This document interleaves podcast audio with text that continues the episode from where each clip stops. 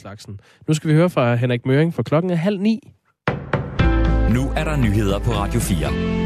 I formiddag begynder en opsigtsvækkende sag i Holbæk mod en 16-årig, der er tiltalt for at slutte sig til en terrorgruppe.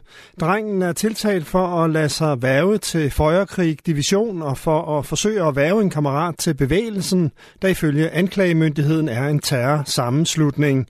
Føjerkrig Division er en højere ekstrem bevægelse med tydelige spor til det nynazistiske miljø, siger Christian Mogensen, der er ekspert i ekstreme digitale fællesskaber. Gruppens primære formål er at få skabt en ny verdensorden, som i deres øjne er mere retfærdig. Det er, hvor den i deres øjne gode, hvide, stærke, kloge mand har magten og kontrollerer alle andre, siger eksperten, der følger sagen. Anklagemyndigheden hævder, at drengen har delt link til en mappe med bombe- og våbenmanualer til medlemmer af Føjerkrig Division i en gruppe på beskedtjenesten Telegram. Han anklages også for at have skrevet afsnit og læst korrektur på dele af The Føjerkrig Division Handbook. Håndbogen indeholder blandt andet opfordringer til at begå terror. Den tiltalte nægter sig skyldig, mens anklageren venter sig gå efter fire års fængsel eller mere. Fra i dag kl.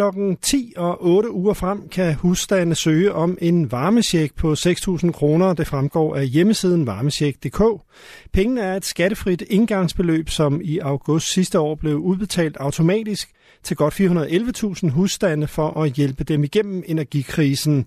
Ansøgningsrunden kan benyttes af de husstande, som er berettiget, men som ikke fik hjælpen udbetalt sidste år. Varmesjekken har været hæftigt debatteret. Den daværende S-regering modtog en masse kritik fra politiske modstandere, fordi det viste sig, at der var husstande, som modtog de 6.000 kroner, hvor det måske ikke var hensigten. Tidligere i år blev det slået fast, at op mod omkring 10.600 husstande fejlagtigt fik udbetalt en varmesjek. Byen Bakhmut i Donbass-regionen i det østlige Ukraine er fortsat centrum for nogle af de mest blodige kampe mellem ukrainske og russiske styrker.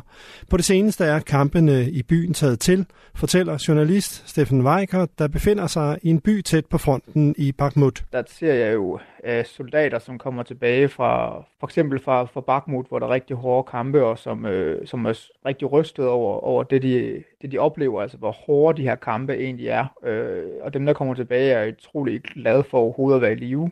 Tusindvis har mistet livet i kampene i og omkring byen. Det er Rusland, der angriber over en bred front i Donbass, mens Ukraine forsvarer sig, siger journalisten. Det, som de ukrainske soldater fortæller, jamen, det er simpelthen, at at øh, russerne sender den ene bølge efter den anden bølge af soldater øh, imod de ukrainske forsvarsværker. Altså nærmest som nogen beskriver det som, som de ting, man har læst eller set omkring Første Verdenskrig. Altså den her form for skyttegravskrig, hvor der nærmest bliver fløjtet og så løber der bare mennesker over og prøver at indtage den anden skyttegrav.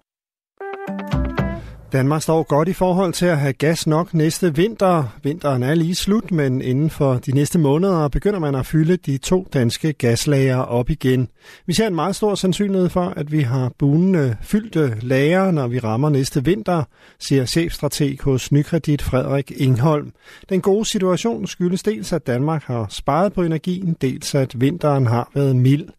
Det skabte frygt for mangel på gas, da Rusland efter invasionen af Ukraine skruede ned for gassen til Europa.